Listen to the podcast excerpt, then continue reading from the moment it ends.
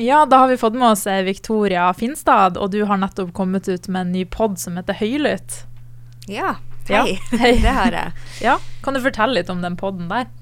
Uh, den er en uh, podkast som vi har uh, Altså, det er et produkt vi på en måte mangler. Hvis det er mye stoff der som vi ikke skriver om uh, når det gjelder kvinners hverdag, spesifikt unge kvinners hverdag. Eh, og ideen kom uh, egentlig Altså, jeg hadde lyst til å gjøre det. Jeg hadde lyst til å lage podkast hele tida. Og så kom uh, han Markus, han som er konstituert sjefsredaktør, og sa at «Du, skal ikke vi bare gjøre det her, jeg har tenkt på denne ideen. Og, Mm. Så sier jeg har tenkt på det samme, og så ble vi bare enige om å gjøre det. Og så heiv vi oss ut i det, og så veldig, veldig fort, på, på under to uker, så Mm. var liksom første episoden ute. Eh, Du snakka jo litt i poden din om at eh, man ofte, du som kvinne og andre offentlige personer, ofte opplever sånn stygge kommentarer og sånne ting. Hvordan kommentarer er det liksom folk kommer med? Ja, i den første episoden så er det jo eh, Så lot jeg meg inspirere litt av Jeg har jo ytra noen Altså skrevet noen meningsytringer for avisa.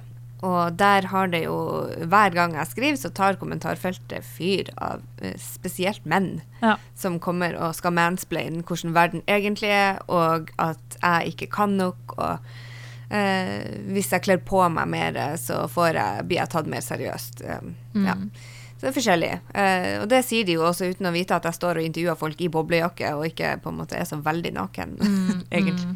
Eh, så da hadde jeg lyst til å la, at den første episoden da skulle ta det med seg og introdusere podden sånn, med Cassandra Petza i Fauske Frp som, som også stikker seg litt ut på den samme måten da, og mener ting bare langt oftere enn meg. Mm.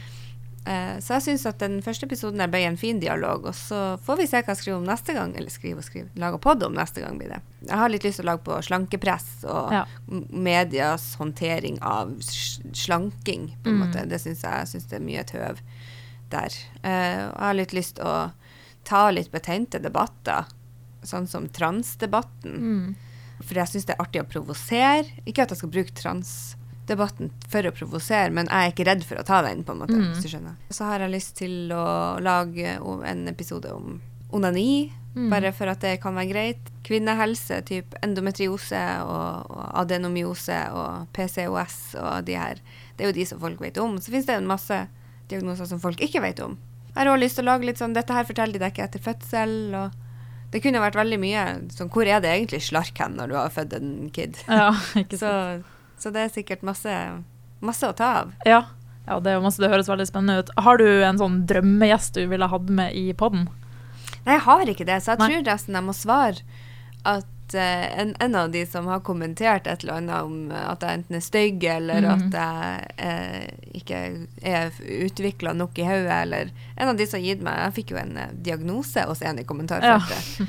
Narsissistisk personlighetsforstyrrelse. Så jeg har litt lyst til å spørre han hva, hvordan, hvordan kunnskap eller ja, hvordan utdanning har han til å kunne diagnostisere meg med det, og hvilke kriterier fyller jeg for å få den diagnosen? For det tror jeg er litt vanskelig å sette på bare Ja, I et kommentarfelt, bare. Ja. Ja. Jeg hørte jo litt på den første poden deres. Og du snakka litt om at du likte å gå inn og kanskje snoke litt på profilene til de som skrev eh, stygge kommentarer og sånne ting. da. Eh, hvem er på en måte den typiske nettrollet?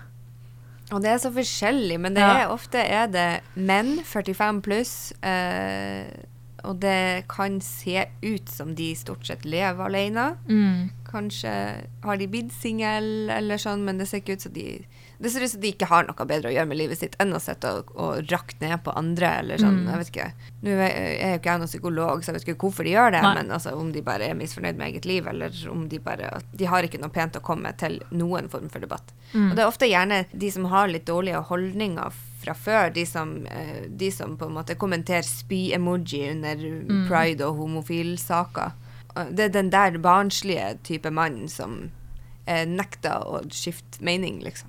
Ja. Eh, Du hadde jo også skrevet en kronikk om hvordan det var å på en måte bli tatt på i jobbsammenheng. Fordi det var noe du hadde opplevd.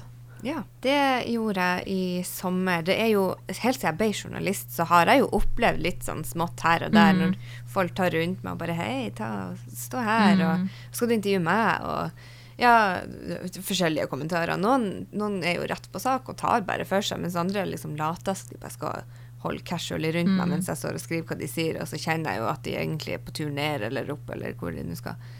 Og det eh, har jo jeg Jeg har jo opplevd det helt, hele min karriere. Og bare flirte bort. Og for å gjøre det enklest mulig for meg sjøl, flirte bort og gått og tatt neste intervju. Bare, ja. ja. ja, uff. Man begynner litt sliten ut av det, men jeg tenkte det går nå greit. Jeg, jeg ligger jo ikke og har mareritt. Eh, men så, etter det her eh, frislippet i sommer, som, sommeren som var, når pandemien var offisielt over og folk bare, de bare gikk bananas, eh, så opplevde flere av mine kvinnelige kollegaer på en måte mye av det samme, men folk var på et annet nivå. Så det var mye mer å komme og ta på puppene, ikke sant. Og ja, det var veldig direkte. Så da eh, kjente jeg at nå var det nok. Nå skulle jeg skrive den der eh, kommentaren, da, sånn at folk får beskjed om å oppføre seg. For det jeg ber dem om, er jo bare å please, la meg være i fred på jobb. Mm. Please, la mine kollegaer være, la dem være i fred på jobb. Men der ble det jo, det ble jo tolka i verste mening. Det var i forbindelse med da at jeg ble kalt stygg, og at jeg skulle bare være fornøyd med at folk ville ta på meg. Og det, Ja. ja, ellers så hadde jeg vel ikke fått meg noe og forskjellig. ja, det jo helt forferdelig. Og jeg så jo også at det var noen som bare rett og slett sa at du ljaug, og at du fant det på. Ja. Ja.